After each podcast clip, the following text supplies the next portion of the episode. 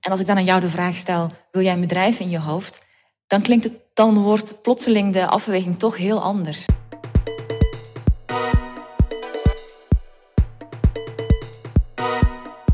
Dit is een verdiepingsaflevering. Dit betekent dat ik één onderwerp verder uitdiep aan de hand van theorie, gerelateerde concepten en voorbeelden uit de praktijk. En in dit geval vul ik het ook nog aan met drie wat kortere interviews. Je hoort zometeen eerst een langer inleidend en inhoudelijk gedeelte van mezelf over de invloed van technologie. Namelijk, hoe kun je kijken naar vooruitgang in combinatie met technologie? Ben je daar heel optimistisch of heel pessimistisch over? En hoe ontwikkelt wetenschap en technologie zich? Dat staat niet op zichzelf, maar dat vindt eigenlijk plaats in een constante interactie ook met andere factoren. Nou, ik leg het ook nog even kort uit. En het laatste onderdeel is van, nou, willen we zeg maar naar een betere wereld met behulp van technologie? Uh, hoe kunnen we al zorgen dat we daar de positieve effecten eigenlijk uh, van bereiken? En de negatieve zoveel mogelijk afschermen of uh, verminderen. Maar wat kunnen we daar dan aan doen? en mijn stelling is van in ieder geval niet passief blijven. ik denk dat je daar zeker aan wat aan kan doen als individu, als samenleving, bedrijfsleven. En ik ga daar ook nog op in, want wat zou dat dan kunnen? Nou, daarna hoor je drie interviews die daar ook weer een beetje over gaan. Namelijk met Esther Keimolen. Uh, zij is van de Tilburg University en met haar heb ik het over vertrouwen. Dus vertrouwen dat wij hebben in technologiebedrijven. Daarna met Lisa Jansen, Jansens uh, van TNO. Dat gaat eigenlijk over het grijze gebied van technologie en het stellen van de juiste vragen, wat steeds belangrijker wordt. En de laatste is met, uh, met een hele grote naam, Andrew Keen. Uh, is een Brit, uh, maar hij geldt nu als de Antichrist van Silicon Valley. En hij heeft verschillende boeken geschreven, onder andere How to Fix the Future. Nou, al die drie interviews met Esther, Lisa en met Andrew heb ik gehouden op Brave New World, uh, conferentie in Leiden was dat in najaar 2018. Dus ook bij deze nog bedankt aan de organisatie daarvan. De show notes die kun je vinden, zoals altijd, met elke podcast op biohackingimpact.nl. En wil je nou meer weten over dit specifieke thema, dus de invloed van technologie en vertrouwen en de impact van technologie, dan kun je ook kijken op mijn andere site, mijn zakelijke website als het ware. Uh, en dat artikel kun je vinden op peterjoosten.net slash invloed-technologie. Nou, zoals altijd zal ik ook met jullie delen waar ik de komende tijd nog te zien ben. Uh, om een lezing te geven. Al meestal doe ik dat voor klanten, bij organisaties voor klanten of voor de medewerkers. Maar af en toe word ik ook ingehuurd of, uh, ja, ingehuurd of gevraagd of, uh, voor evenementen of festivals, et cetera. Die gewoon, waar je kaartjes voor kan kopen of die gewoon gratis zijn. bijvoorbeeld in Riga op 26 april. Daar is de Biohacking Conference. en mijn lezing gaat over de Anti-Aging Society. Op 13 mei kun je mij zien op de Quantified Self Meetup. Uh, dat is in Eindhoven. En op 25 mei ben ik ook te zien op Sound of Science. Dat is een festival in Mortsel, vlakbij Antwerpen. Nou, wil je nou de linkjes hebben naar deze evenementen in Riga, Eindhoven en Mortsel? Abonneer je dan op mijn nieuwsbrief. Ga ervoor naar biohackingnieuws.nl. En daar kun je ook de vorige edities zien. Dus van maart en van april 2019. En daarin kun je dus uh, een lijstje zien van waar ik spreek. Maar de nieuwsbrief is ook wat anders in de zin dat ik daarin ook veel meer nog mijn eigen duiding en eigen visie geef van wat er speelt op het gebied van biohacking. Dus het begint eigenlijk met van dit zijn interessante artikelen of leestips. Uh, en mijn, uh, waarom ik vind dat dat interessant is of belangrijk is. En vervolgens ook uh, nog wat losse tips. Dus het kan ook zijn over podcast tips die ik heb. Uh, en boeken die ik heb gelezen. Of documentaires of films die ik aanraad. Nou ja, ik zou zeggen als je daarin geïnteresseerd bent. Ga naar biohackingnieuws.nl. En dan kun je dus bovenin direct inschrijven.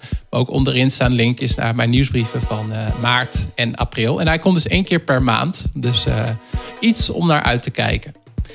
En ook uh, wil je dus een deep dive maken in biohacking, dan kun je je abonneren op mijn nieuwsbrief. Dan kun je naar alle eerdere podcastafleveringen luisteren.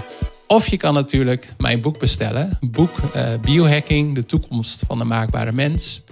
Het gaat hard. Ik moet binnenkort met, in bespreking met de drukker over een volgende druk. Dus dat is heel erg leuk. en het boek komt ook nog terug in deze podcast, eigenlijk in het eerste inhoudelijke deel. Want daarin in het boek heb ik ook een model gebruikt van hoe kun je nou naar technologie kijken. Uh, dus het punt dat technologie zich niet uh, zelfstandig ontwikkelt, maar altijd in een context van andere uh, krachten eigenlijk. Nou, dat model staat in mijn boek en dat lig ik eigenlijk in deze podcast ook nog uit. Dus je gaat eerst luisteren naar een algemeen deel van mij. Dat duurt ongeveer 18 minuten. Ben je nou heel geïnteresseerd in de specifieke interviews? Um, zo ongeveer na 22 minuten is het interview met Esther Keimolen. Na ongeveer 31 minuten het interview met Lisa Jansen. En ongeveer 41 minuten het interview met Andrew Keen. Maar voor de optimale belevenis raad ik jullie aan om gewoon uh, lekker te blijven luisteren. En als je nou vragen of opmerkingen hebt, laat het mij weten. Dat kan via social media of door een reactie achter te laten bij, het, uh, bij de show notes. Heel veel plezier! Ben je optimistisch of ben je pessimistisch over de toekomst? En welke rol speelt technologie daarin? En er zijn eigenlijk worden verschillende groepen geclassificeerd. Bijvoorbeeld technologie-utopisten. Daar word ik zelf ook wel eens genoemd. Een andere term daarvoor is de technological fix. Uh, dat zijn mensen die denken op het moment dat er een probleem is, in eerste instantie aan technologie. En gelijk hieraan is ook de term technopolie. Dat is volgens communicatiewetenschapper Neil Postman samenleving die, uh, ik ga hem even quoten, zijn gratificatie zoekt in technologie, bevrediging vindt in technologie en wordt gecommandeerd door technologie. Nou, aan de andere kant van het spectrum heb je de zogenaamde technologie-pessimisten. Ja, en die kijken meer uh, niet direct naar technologie, maar meer naar sociaal-economische aspecten, attitudes of waardes bij het oplossen van uh, problemen. Uh, en eigenlijk staan die technologie-pessimisten weer dicht bij een groep, die worden wel de technologie-structuralisten genoemd. En Majid Tehrarian, ik moet het even goed uitspreken, uh, die zegt technologie wordt altijd ontwikkeld vanuit een institutionele behoefte en de impact wordt altijd bemiddeld door institutionele arrangementen en sociale krachten waar ze onderdeel van zijn. Nou, daar kom ik later nog even op terug. Maar Yevgeny Mozarov, hij schreef het boek To Save Everything, Click Here. En hij is het daar ook wel mee eens. Hij zegt ook, technologie is niet per se de vijand, maar het romantische idee dat het alles kan oplossen wel. En dat vind ik eigenlijk wel een mooie term. Maar we leven natuurlijk nu wel in een hele mooie, bijzondere tijd. Um, en in het verleden zijn er meer mensen kritisch geweest over vooruitgang. Een paar leuke voorbeelden bijvoorbeeld is dat in 400 voor Christus waarschuwde de Griekse filosoof Plato dat de uitvinding van het schrift zou leiden tot vergeetachtigheid. Een ander voorbeeld is toen de trein werd, uh, begon te rijden, uh, waren, durfden sommige vrouwen niet in de trein te zitten omdat ze bang waren dat hun baarmoeder uit hun lichaam zou vliegen. En toen de eerste telefoonkabels werden aangelegd, waren mensen bang dat er kwade geesten eigenlijk hun huiskamer konden binnenkomen. Dus ook als het gaat om technologie die nu uh, in opkomst is, zoals biotechnologie of kunstmatige intelligentie of drones of wat dan ook, ja, hoor ik ook wel veel van mensen dat ze daar bang voor zijn. Uh, maar aan de andere kant levert technologie ons natuurlijk ook heel veel op. Uh, denk bijvoorbeeld in de gezondheidszorg en anesthesie. Als we dat niet zouden hebben, wat voor gevolgen dat zou hebben. Uh, drinkwater, internet, we zijn er eigenlijk allemaal heel erg blij mee. Maar het komt natuurlijk ook wel met negatieve gevolgen. Als je ook denkt aan de auto als technologie, dat uh, kun je naar andere plekken rijden. Uh, kan zorgen juist dat we spullen hier naartoe kunnen vervoeren. Maar aan de andere kant zorgt het natuurlijk ook voor uh, vervuiling en files en dat soort dingen. Hetzelfde geldt voor internet. Biedt natuurlijk fantastische mogelijkheden. Maar aan de andere kant ook het dark web en allerlei andere schimmige zaken die je ermee kan doen. We leven nu wel in een tijd wat ook wel wordt aangeduid als de exponentiële technologieën. Dus eigenlijk dat een technologie zich heel hard ontwikkelt qua mogelijkheden en capaciteiten. Vaak ook in combinaties met andere technologieën.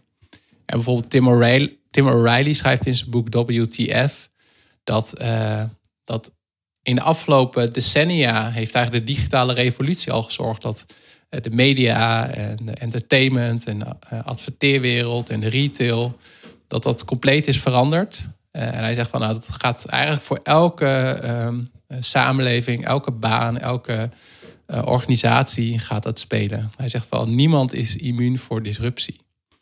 Maar het is wel inter interessant natuurlijk om na te denken van ja, is technologie eigenlijk de enige drijfveer van verandering? Nou, dat is natuurlijk niet zo. Ehm, want je kan bijvoorbeeld ook denken aan demografische ontwikkeling of globalisering. Dat komt natuurlijk ook weer mede door internet of urbanisatie.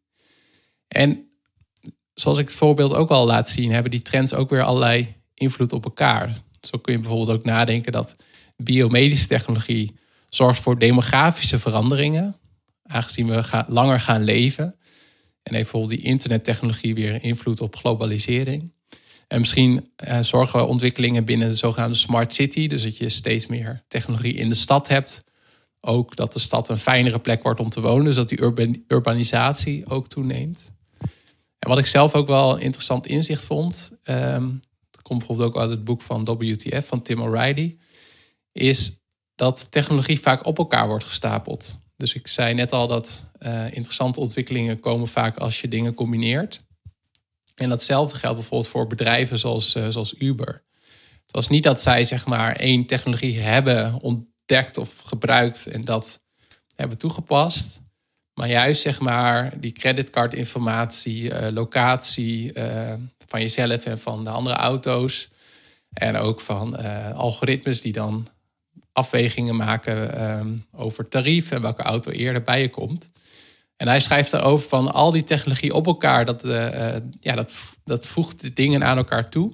En dat zorgt eigenlijk voor meerwaarde en dat zorgt ook voor een verslavend element. Omdat die juist op, zo op elkaar inhaken zegt hij, wordt het heel krachtig en een soort van magisch. Uh, het grappige is natuurlijk dat we dat ook snel weer voor lief nemen. Als dan zo'n app of internet of wat dan ook weer niet werkt. Uh, tenminste, als ik naar mezelf kijk, dan word ik snel chagrijnig. Maar zeker de eerste momenten dat je daar gebruik van maakt, is het natuurlijk, uh, wat hij ook schrijft, is dat magisch. Wat ik ook nog wil benoemen als het gaat over de invloed van technologie. En dat kwam net eigenlijk ook al even aan bod. Is dat uh, ja, wetenschap en technologie en innovatie ontwikkelen zich natuurlijk altijd in een dynamiek. Dus het staat niet op zichzelf. Dus een dynamiek met politieke ontwikkelingen, met economie, met religie en met cultuur. Maar je kan bijvoorbeeld heel simpel nadenken over. Ehm, natuurlijk voelen, voelen wetenschappers zich in een redelijke mate vrij in het doen van hun onderzoek. Maar de budgetten en de subsidies worden toegewezen op hele andere criteria. Zoals de invloed, impact op de technologie of misschien wel op ideologische gronden. Dus hierdoor, wordt niet altijd onderzoek gedaan naar dingen die weinig geld opleveren, maar wel heel nuttig zijn. En juist als het gaat om de vooruitgang in technologie, dan ehm, wordt ook wel vaak gerefereerd aan de ludieten. Misschien uh, als jij hiernaar luistert en je bent uh, niet zo voor technologische vooruitgang, wat ik niet denk. Ik bedoel, je luistert naar een podcast over biohacking, mensverbetering en technologie. En je luistert het via een podcast, wat natuurlijk ook een vorm is van zowel dus de medium als de message. maar Ludieten, als je daarvan van hebt gehoord, dat is afgeleid van de naam Ned Lut. En hij was een textielarbeider uit Engeland. In, in 1779 had hij twee mechanische weeftouwen vernield. En hij is later een beetje uitgegroeid tot een mythische werknemer die de oprukkende industrialisering een halt wilde toeroepen. En de ludieten, zoals ze nu worden aangemerkt, ehm, worden genoemd, die waren bang dat hun vaardigheden en leefstijl in de verdrukking zouden raken. En dat speelde natuurlijk nu ook, hè, wat ik net al zei, rond al die technologische vooruitgang. Maar het interessante van die ludieten is dat zij niet werden verslagen door technologie of door hun werkgevers, maar door het Britse leger. Die drukte eigenlijk hun opstand met geweld de kop in. En dat voorbeeld laat eigenlijk wel zien dat wetenschap en technologische vooruitgang vaak heel nauw samenhangen met de macht, met politiek en met belangen. En in mijn eigen boek, uh, boek Biohacking, de toekomst van de maakbare mens, heb ik ook eh, zelf een model gebruikt. Dat heb ik weer afgeleid van het D-step model van Kotler. En dat staat voor uh, demografie, economie, ecologie, sociaal-cultureel, politiek. ik heb daar ook nog toeval, toeval aan toegevoegd. Want heel veel ja, vorderingen in, in de wetenschap, die hangen ook samen met geluk of met toeval of, en met doorzettingsvermogen. Een aardig voorbeeld is, en als je naar deze podcast luistert, heb je het al vaker gehoord, is het wijzigen van het DNA van embryo's. En mocht je het hebben gemist, eind 2018 kwam in het nieuws dat de Chinese wetenschapper He, die had twee baby's ter wereld gebracht, geholpen Lulu en Nana, waarvan het DNA was aangepast in de embryonale staat. maar wat heel interessant is, is dat er natuurlijk heel veel ophef ontstond binnen de politiek, binnen door ethici, in de media, et cetera. Maar dat er ook rondom deze ontwikkeling spelen dan blijken dus veel meer factoren een rol te spelen dan alleen zeg maar een rationele wetenschappelijke discussie.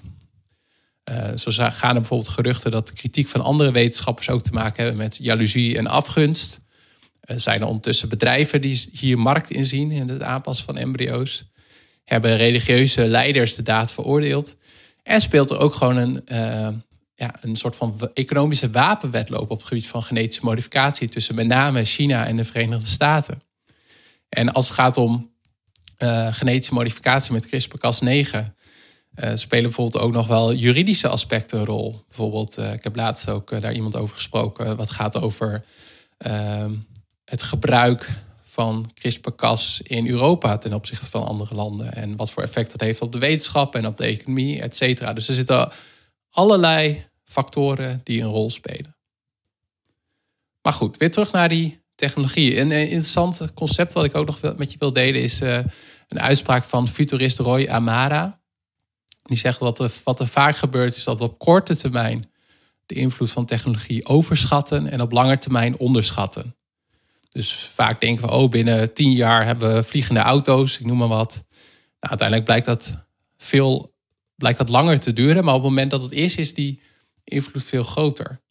Dus uh, dat maakt het ook wel lastig om de toekomst te voorspellen. Maar meestal zou je dus kunnen zeggen van nou op korte termijn uh, zal het niet zo snel gaan, maar op lange termijn wel. En dan is de impact ook nog vaak groter. Dus we hebben, neem het voorbeeld van niet vliegende auto's, maar zelf, zelfrijdende auto's. Stel je voor dat die op een gegeven moment rondrijden in je straat. dat heeft niet alleen dat wij dan de auto's die we nu hebben gewoon vervangen door zelfrijdende auto's. Maar kun je ook bijvoorbeeld nadenken, hebben we dan nog wel last van files? Hebben we nog wel straatlantaarns nodig? Hebben we nog wel grote parkeergarages nodig? Misschien verschuift mobiliteit, wordt dat meer een dienst. Dat je zelf uh, niet een auto meer bezit, maar dat je eigenlijk een soort van abonnement neemt op je vervoer. Uh, hebben we dan op ook geen treinen meer nodig? Dat je denkt, nou, het is ook heel onlogisch om in een trein te gaan als je gewoon naar buiten gaat en er staat een auto, elektrisch of op zonne-energie, die jou precies naar de plek wil vervoeren waar je naartoe wil.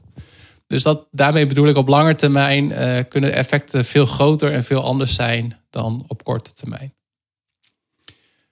Maar nu je dit allemaal hebt gehoord, van ja, technologie uh, uh, kun je positief naar kijken, negatief naar kijken. De, werkelijkheid is dat het een stuk genuanceerder is en dat het altijd in een context gebeurt van eigenlijk allerlei andere invloeden die ik net al noemde. Maar de kern is natuurlijk, en de eerder genoemde Yevgeny Motzerov die zegt het ook, technologie overkomt ons niet. Dus het wordt gedreven door de ideeën van mensen, van bedrijven en overheden. En ook gevoed door belangen en belangengroepen. En het beste is eigenlijk om niet in algemene zin over technologie te zeggen van nee, dat wil ik niet of dat wil ik wel. Maar om dat eigenlijk per geval en in de context te bekijken. Uh, in plaats van passief achterover te blijven zitten en uh, ja, volledig wel of volledig tegen te zijn. Maar het gaat natuurlijk over uiteindelijk hoe mensen en organisaties het toepassen en wat wij als maatschappij verantwoord vinden en niet verantwoord vinden. En een mooie uitspraak vind ik ook van Luciano Floridi, die is uh, hoogleraar kunstmatige intelligentie. Die heeft gezegd: geen enkel apparaat, hoe slim ook, ontslaat ons van onze eigen verantwoordelijkheid. De mens is verantwoordelijk, altijd. Maar de vraag is natuurlijk van, ja, wat moeten we dan doen? En moet je dat als individu doen? Of moeten bedrijven dat doen? Of moet de overheid dat doen? Nou, straks verderop in mijn interview met Andrew Keen ga ik daar verder op in. Dus hij geeft een aantal ja, concrete uh, ja, zeg je dat, actoren of uh, mensen die groepen die iets uh, hieraan kunnen doen. En bijvoorbeeld met Lisa Jansen van TNO heb ik over, oké, wat voor vragen zou je er dan bij moeten stellen bij technologie? En ook als we het hebben over die bedrijven, ehm, ja, hoe zit het dan tussen, kan ik die vertrouwen of niet? En dat is iets waar ik met Esther Keimolen over ga praten. En wat ook interessant is, is dat natuurlijk we naar een wereld gaan, met name door kunstmatige intelligentie, waar steeds meer de nadruk komt te leggen op uh, STEM. Dat staat eigenlijk voor Science, Technology, Engineering en Mathematics. Uh, maar juist ook is dat misschien wel belangrijker dat het om de menselijke vaardigheden gaat die dan veel belangrijker worden. En dat staat voor core, creativiteit, uh, ook compassie, de originaliteit, verantwoordelijkheid, dat is dan de R van responsibility. En, en wederkerigheid en, en eigenlijk ook die empathie. Dat is een concept wat is, in ieder geval tot mij kwam via futurist Gert Leonhard. En wat daar natuurlijk bij samenhangt, is ook de vraag van, ook eigenlijk een menselijke vaardigheid van kritisch nadenken en ook realiseren wat de impact is van een bepaalde ontwikkeling. En ja, juist op het stellen van de juiste vragen, op het kritisch nadenken, ga ik met, zoals ik al eerder zei, in, op in in het gesprek met, met Lisa Jansen. Maar het zou wel helpen om natuurlijk ook wat meer universele principes te hebben. Dus wat Motsorov zegt, van je moet eigenlijk naar technologieën afzonderlijk kijken en de context bekijken.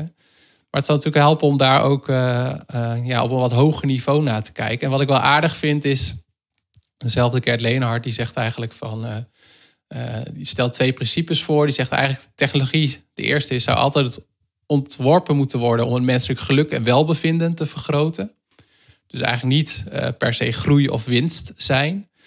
want hij zegt een beetje dystopisch van als we dat aanhouden, dan veranderen we als mens zelf binnen de kortste keren in machines. En het tweede principe is dat hij zegt van ja, technologieën met mogelijke fatale gevolgen moeten worden begeleid door mensen die hebben bewezen over praktische wijsheid te beschikken. Dus zegt van ja, het zou fout zijn als we dat leggen in de handen van bedrijven of bureaucraten of militairen of durfkapitalisten. Maar dat is natuurlijk wel een lastig concept, hè? wat is praktische wijsheid? Maar misschien is dat wel, als je naar de vorige podcast hebt geluisterd, uh, iets wat ook uh, met Lieve Schijren was dat.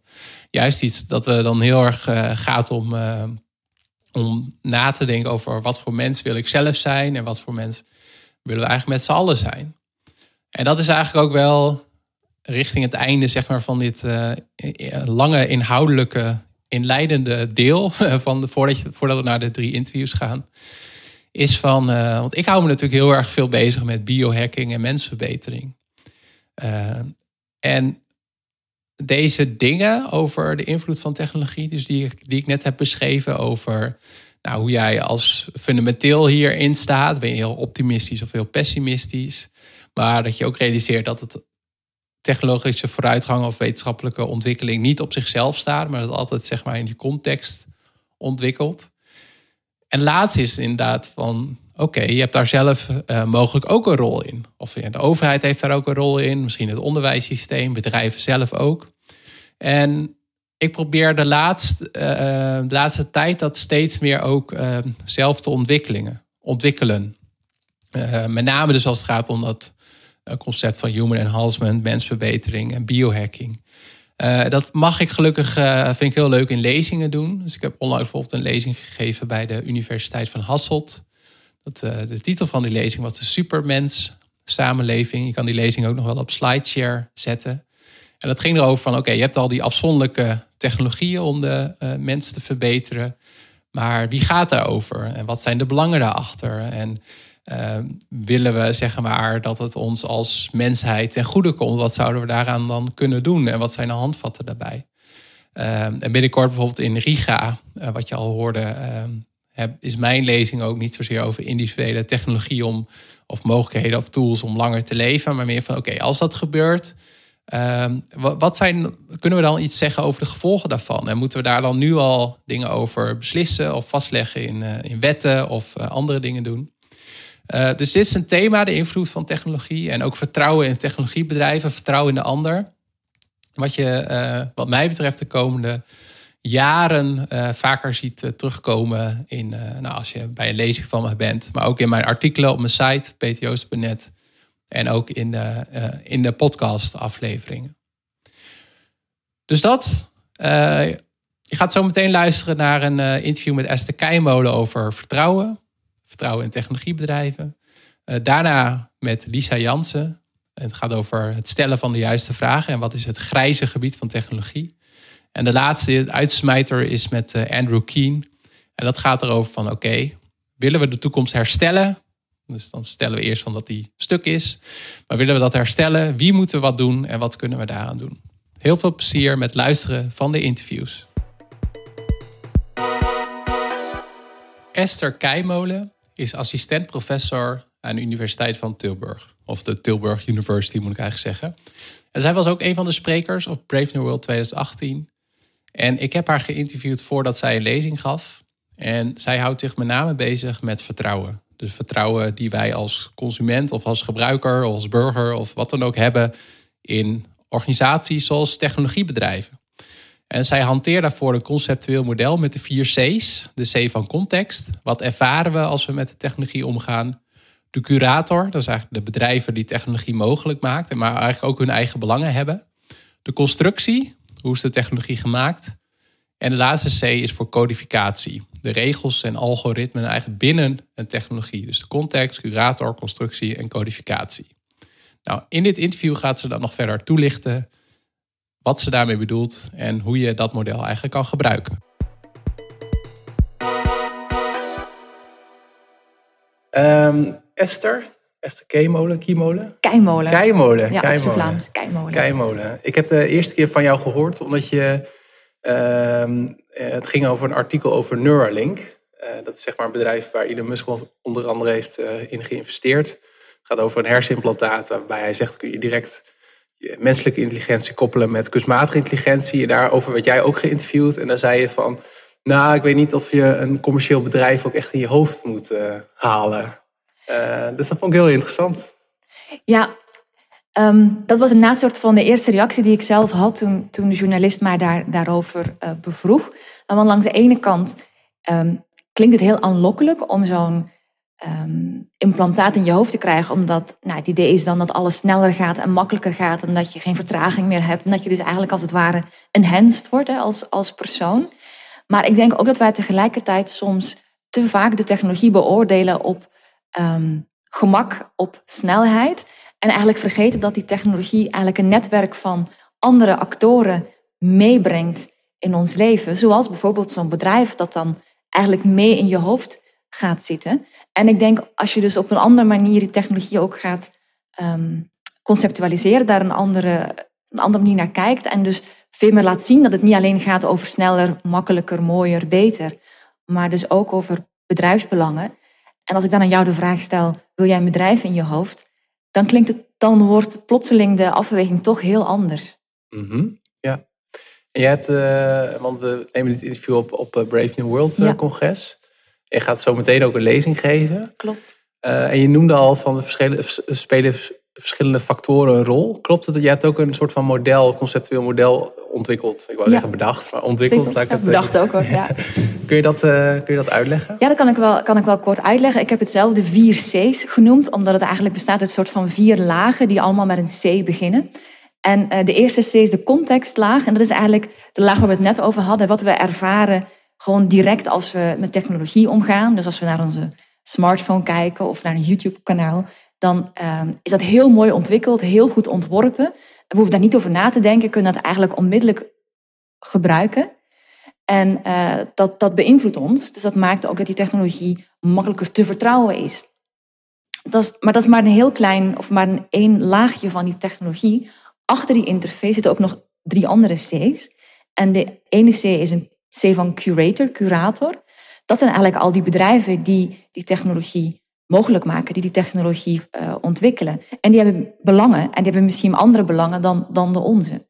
Dus dat is al een soort van ja, complicerende factor, zeg maar, als het gaat over vertrouwen. Dat je dus eigenlijk tegenstrijdige, tegenstrijdige belangen uh, krijgt.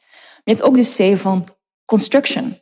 Van hoe is die technologie eigenlijk uh, gemaakt? Want wij kunnen die technologie wel gebruiken, maar begrijpen we hem echt? Hè? Er is een verschil tussen technologie gebruiken en echt begrijpen hoe die werkt. Uh, lekt de, de, de, app data? Is het open source? Kan ik er zelf dingen aan veranderen? Nou, dat is ook weer een soort van een complicerende factor als het gaat over vertrouwen. Wat, wat is die technologie eigenlijk echt? En de derde C die vaak verstopt zit, zit achter de, de interface, is eigenlijk die van uh, codification.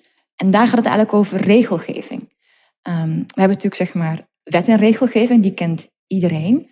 Maar tegelijkertijd zie je natuurlijk dat op het internet of als je naar een Facebook-platform gaat of een YouTube-kanaal gaat, is het ook heel vaak zo dat uh, de technologie bepaalt, het bedrijf bepaalt, wat je wel en niet kan doen.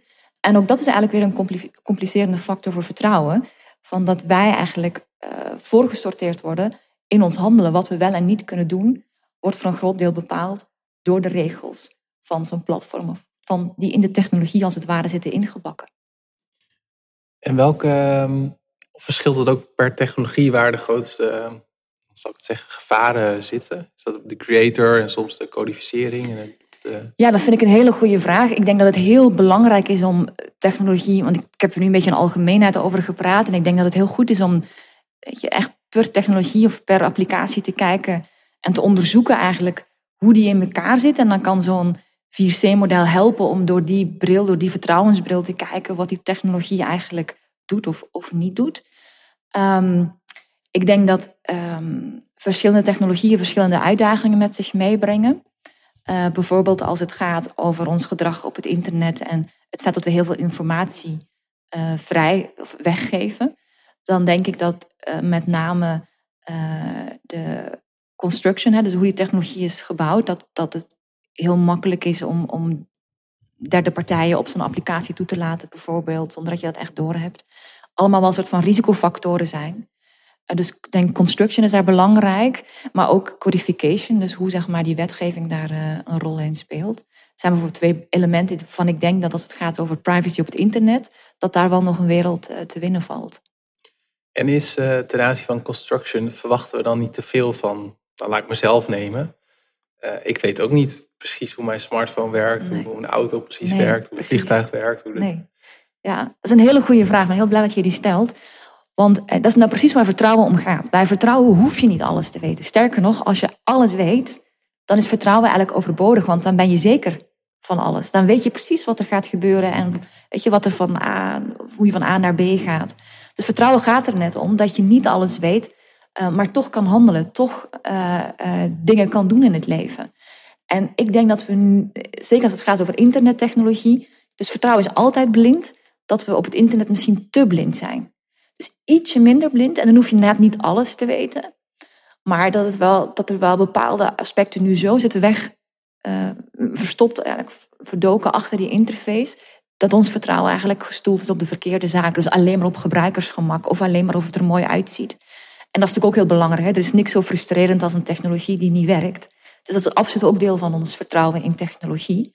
Maar ik denk dat er meer op het spel staat dan ons gebruikersgemak dat het dus net ook gaat om privacy, dat het ook gaat om autonomie, om keuzevrijheid. Dat veel meer fundamentele waarden. En die worden eigenlijk veel meer beïnvloed door die drie C's achter de interface dan door de C die we allemaal gewoon direct meemaken als we die uh, apparaten en applicaties gebruiken. Ja, en waar, um, uh, waar dat bedrijven zelf zullen denk ik niet zo snel daaraan werken, afgezien als het hun wat oplevert. Ja. Denk je dan dat het uh, van wet en regelgeving moet komen of van ons als gebruikers? Ja, ook weer een hele goede vraag. Um, Dankjewel. Ja, nee, het is een echt hele goede vraag. Dat, dat is al fijn.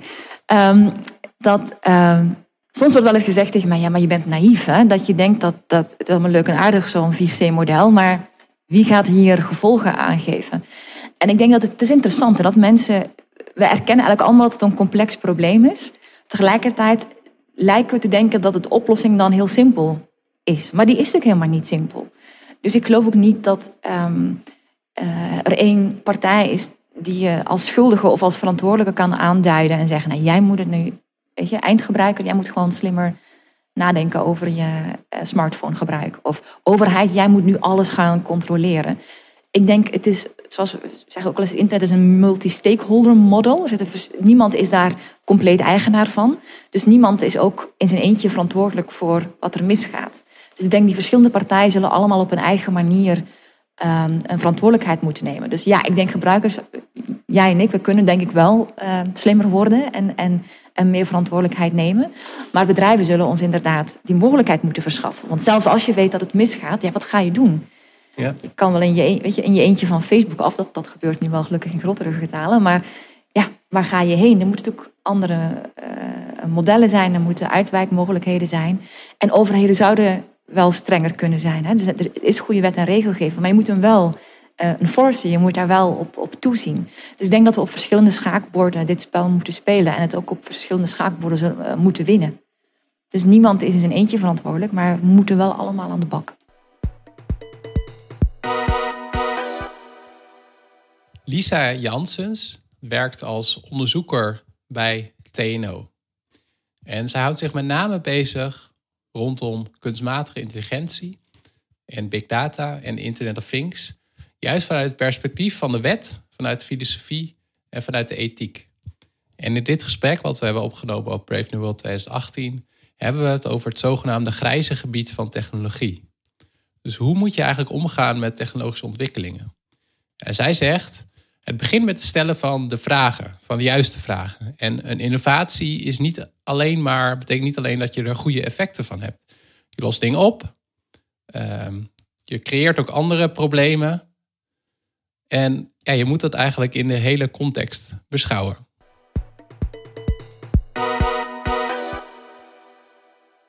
Lisa, jij begeeft je op eh, het grensgebied tussen eh, het grijze gebied, zei je. Kun je dat uitleggen?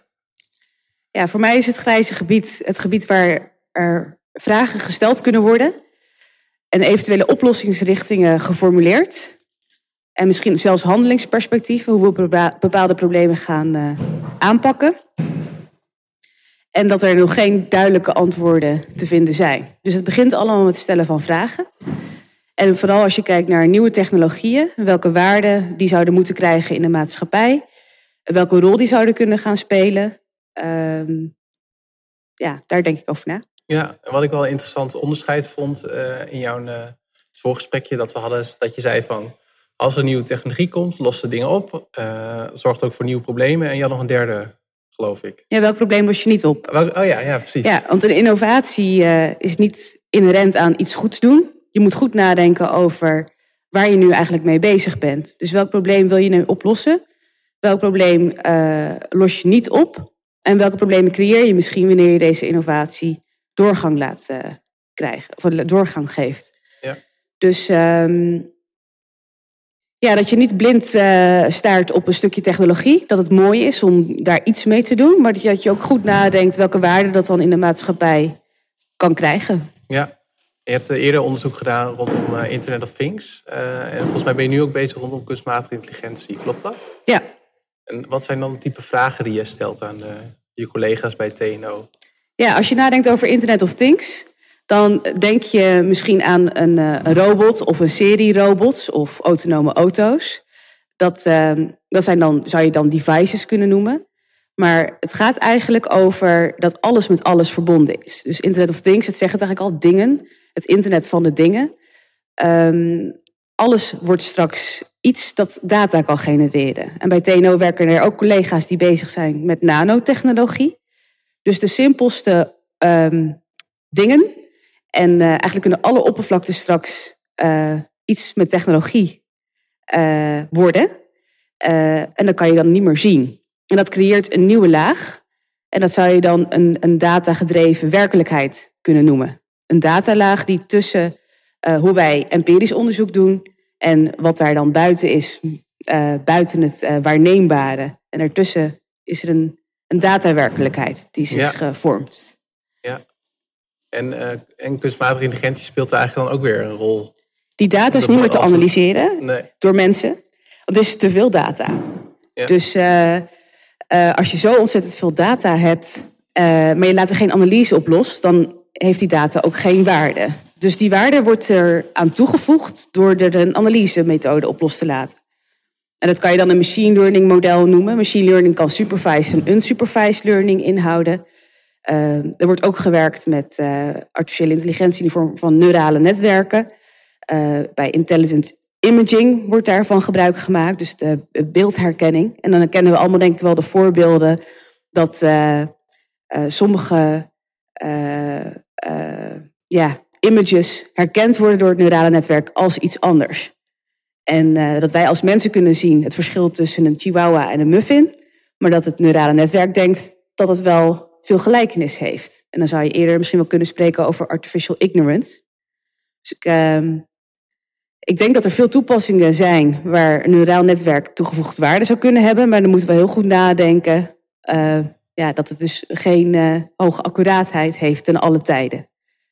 Ja, de vorm, eh, wat in ieder geval een, een, prikkelende titel is van je verhaal, zo meteen op uh, Brave New World, waar we het nu ook uh, opnemen, dit interview, is malicious AI. Wat bedoel je daar dan mee? Dat is nog een ja. stapje verder. Ja, Malicious AI gaat nog een stapje verder. En het woord malicious, is, uh, dat heb ik opgezocht. De etymologische betekenis van het woord malicious. Uh, het refereert aan uh, ill will. Dus een, een intentie met, met een kwade opzet, zou je dat dan noemen in, in het strafrecht. En dat is ook bijvoorbeeld een belangrijke voorwaarde om moord met voorbedachte raden bewezen verklaard te krijgen. Um, dus malicious, dan malicious en gecombineerd dan met AI, artificiële intelligentie. Um, dat betekent dus dat er toepassingen van AI worden ingezet met kwade bedoelingen. En um, dan zou je dus systemen kunnen ontregelen. Dus een systeem dat gebruikt wordt als een, uh, een support system voor beslissingen bijvoorbeeld, uh, kan ontregeld worden wanneer het systeem misleid wordt door het Um, dat daar dan adversarial examples in geladen zijn, zou je eigenlijk zeggen, door iemand die kwaadwillend is. Het systeem denkt, al met hoge accuraatheid weet ik zeker, of weet ik zo procent zeker, dat het iets een panda is. En wij zouden allemaal zien dat het geen panda is, maar bijvoorbeeld een aapje. Maar het systeem zelf is misleid door een example die zegt, hoge accuraatheid, dat dit een panda is. En wij zien het als mensen nog wel, maar het systeem ziet het zelf niet. En wij kunnen dus niet in die systemen kijken uh, met die plaatjes. Dat is gewoon een voorbeeld hoe dat systeem dan uh, uh, ja, tot die analyse komt. En als wij dan denken, oké, die hoge accuraatheid die klopt, want het is een bona fide systeem, we werken er al heel lang mee en we weten dat het goed werkt, dan kan het dus ook effecten hebben in de werkelijkheid die niet wenselijk zijn. Dus dat er een beslissing wordt gemaakt op basis van accuraatheid die onjuist is. Dat is een van de voorbeelden. En je kan ook denken aan uh, het voorbeeld uh, dat uh, we kennen allemaal het begrip fake news, maar je hebt ook real-time manipulatie van beelden. Dus dan denk je, je bent daar een live nieuwsuitzending aan het kijken, dus ik geloof wat ik zie. Ik vertrouw in wat ik zie, ik vertrouw de Nederlandse media.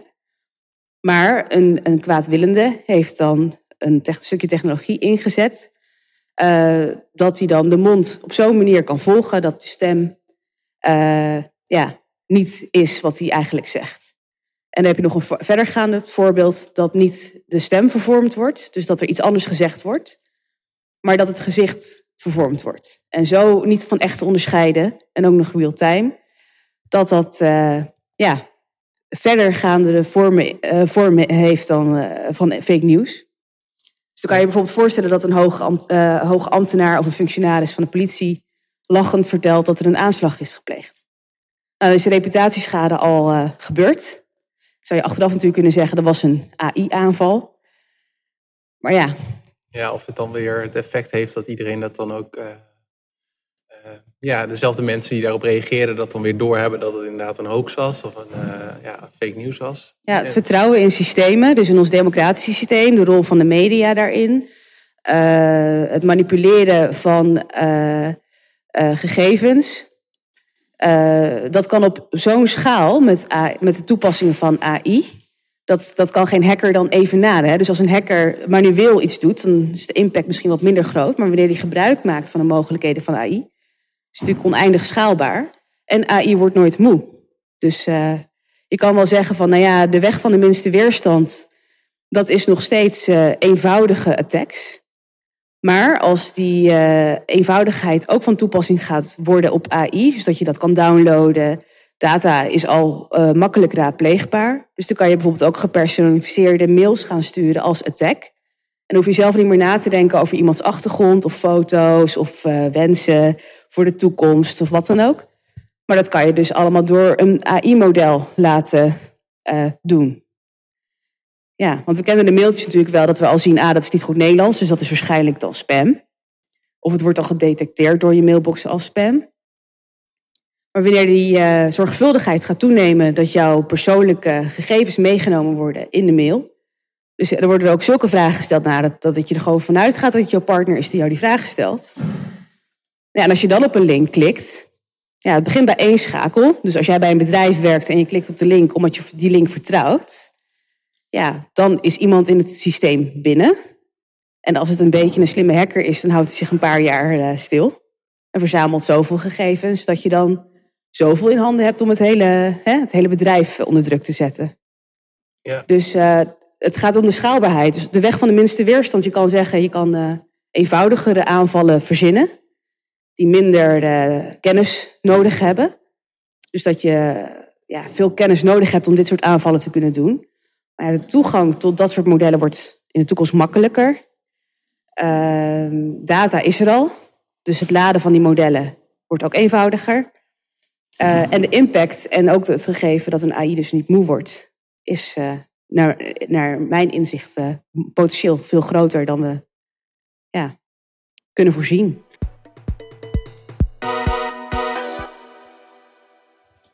Andrew Keen is ondernemer, auteur en criticus van ontwikkelingen op het internet zoals Web 2.0.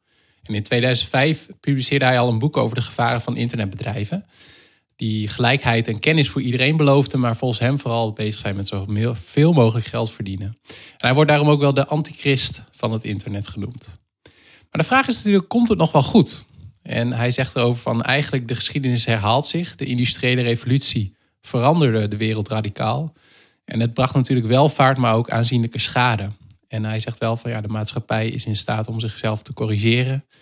Uh, hij zegt het is niet makkelijk, maar we kunnen dit en dat hebben we al bewezen. Dat schrijft hij in een interview in uh, de Groene Amsterdammer.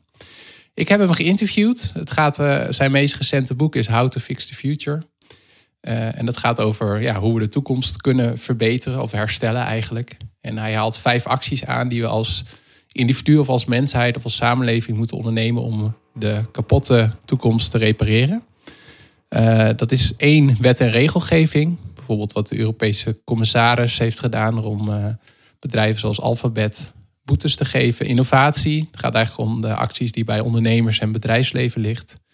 Drie is de keuze van de gebruikers. Dus ook van de keuzes die jij of ik maak in of wij bepaalde diensten of bepaalde technologie gebruiken. Zijn we dan bewust van wat we daarvoor opgeven, wat de impact daarvan is. Bijvoorbeeld rondom social media en Facebook speelt dat natuurlijk. Uh, de vierde is burgerschap. Dus wil je jezelf um, ja, eigenlijk je belangen verdedigen, is dat het beste om dat ook in een groep te doen. Dat is eigenlijk ook wat Yuval Harari ook schrijft in zijn boek. En de vijfde is, uh, uh, punt is onderwijs. Dat was het punt waar hij wat langer bij stilstond. stilstond omdat het natuurlijk van grote invloed is op, op welke keuze je maakt. Uh, en of je misschien je burgerschap of je politieke rol zeg maar invult.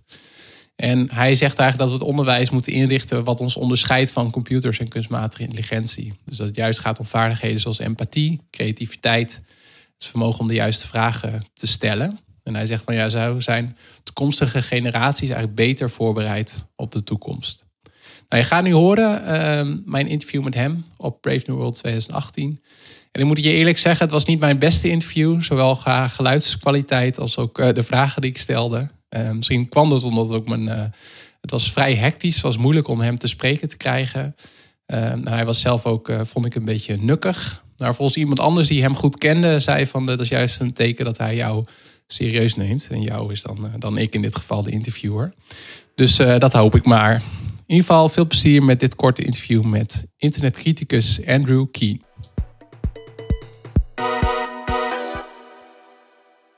Um, with me, Andrew Keen. You're the uh, the latest, the, the summary of the Brave New World conference, and the title of your talk is "How to Fix the Future." So, how do we do that? And and how long have I got?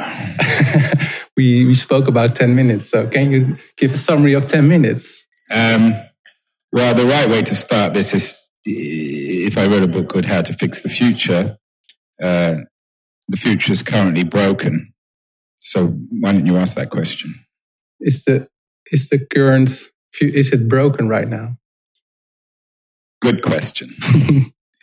uh, is the future broken? I think it's not working. The future. We believed in the future for a while. We thought the digital future was going to solve lots of our perennial problems of inequality and unemployment, cultural decay, uh, economic innovation.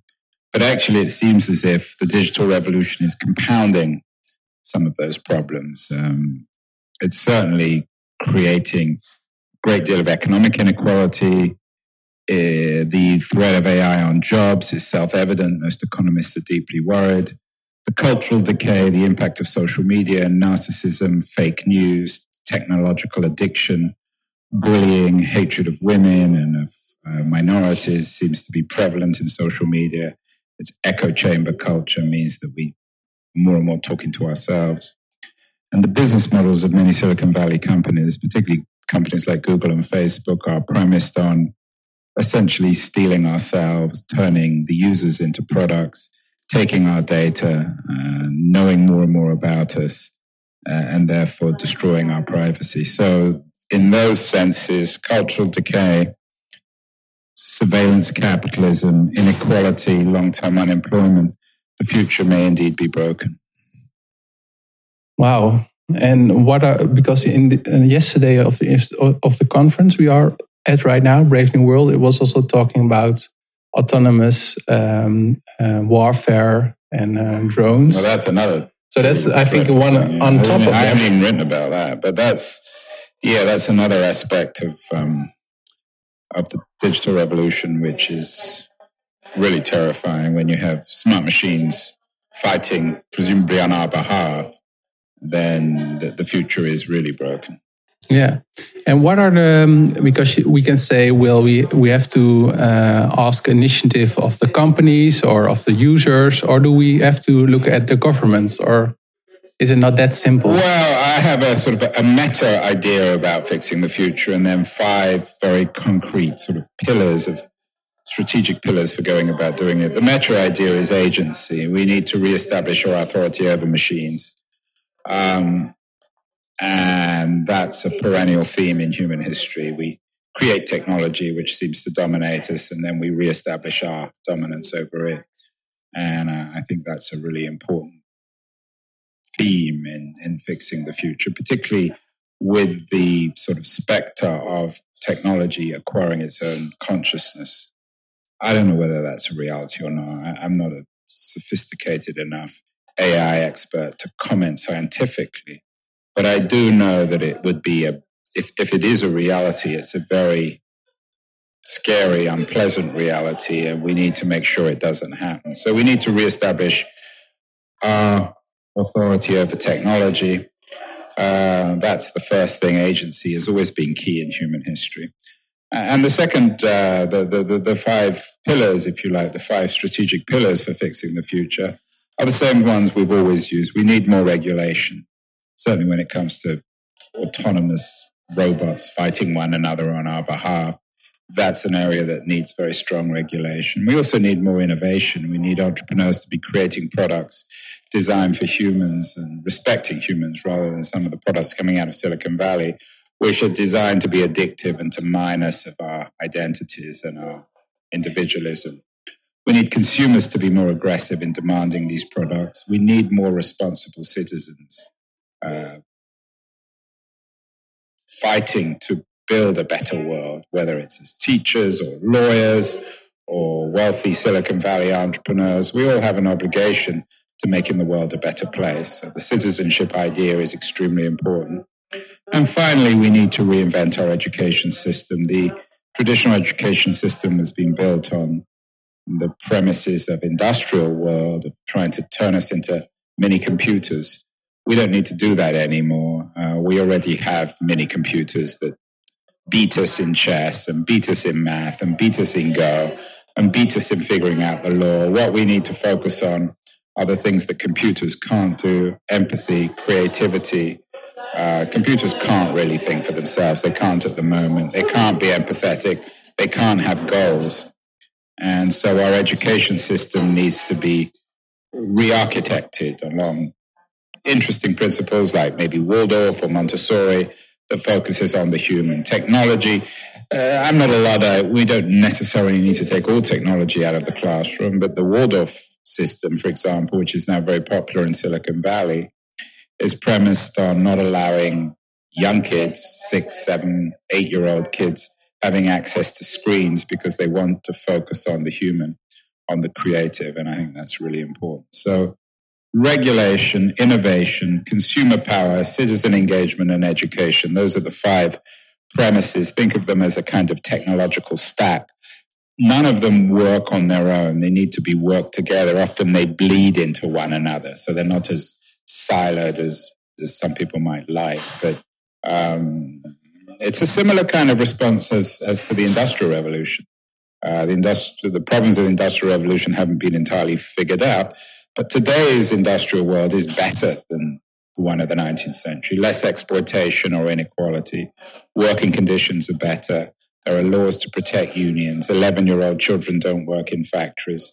Pollution, at least in immediate sense, is less of a problem. So we have, um, we have models, we have experiences, we have a history of fixing the future.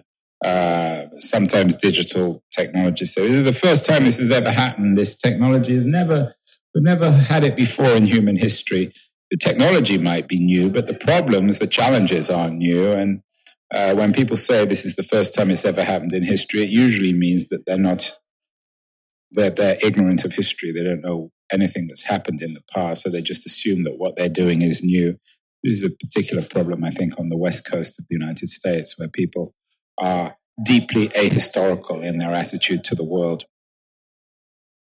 And how do you um, see, uh, because you're focusing in on, on Silicon Valley, how do you see the rise of China and the use of technology there? Is it different or do you see the same parallels? In some ways, the same parallels, but China, I think, is particularly terrifying because of the way in which the state, the Chinese state, which is certainly authoritarian and potentially even totalitarian, are using technology to enforce political obedience and using technology to punish people who don't agree with them. So uh, in China, we have the reappearance of Orwell's 1984 in a much more sophisticated, ubiquitous digital context. So the problems of China, I think, are those of, of a true surveillance state. In the West, the problem in some ways, and particularly in America, is the state is weak and is for one reason or other incapable of taking on private corporations. What worries me in the United States is the power of Google and the power of Facebook. What worries me in China is the power of the Chinese government. And unfortunately, in China, the, indep- the supposedly quote unquote independent companies like Baidu um, are, are closely associated with the state. They don't really have the kind of economic, cultural, or political independence that companies like Google or Facebook have in the US. So China is very worrying in a different sense. And I think the great debate of the 21st century will be between the Chinese model of surveillance state capitalism and Western democracies. And Western democracies need to revitalize and reinvent themselves if they're going to compete. Because the problem is that the Chinese model in some ways works. It's very attractive in terms of its economic development and, I guess, political stability and coherence. So the Chinese model of authoritarian surveillance capitalism is a much more compelling one in the developing world than, say, the Soviet model in the 20th century of centralized bureaucratic socialism, which was essentially just inefficient and unpopular. The Chinese model actually works. So, so, so the great debate will be between the Chinese and the Western model, and, and we need to make sure that our democracies work. At the moment, particularly in places like the United States and the UK, uh, our democracies aren't working very well. All right. Thank you for the short synopsis. Uh, it wasn't that short. It wasn't that short. I'm looking forward to your talk. Ah, well, so am I. Uh, Maybe you can give it for me.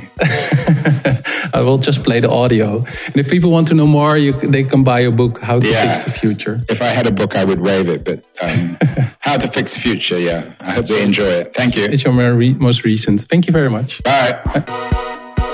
Bedankt voor het luisteren naar deze podcast.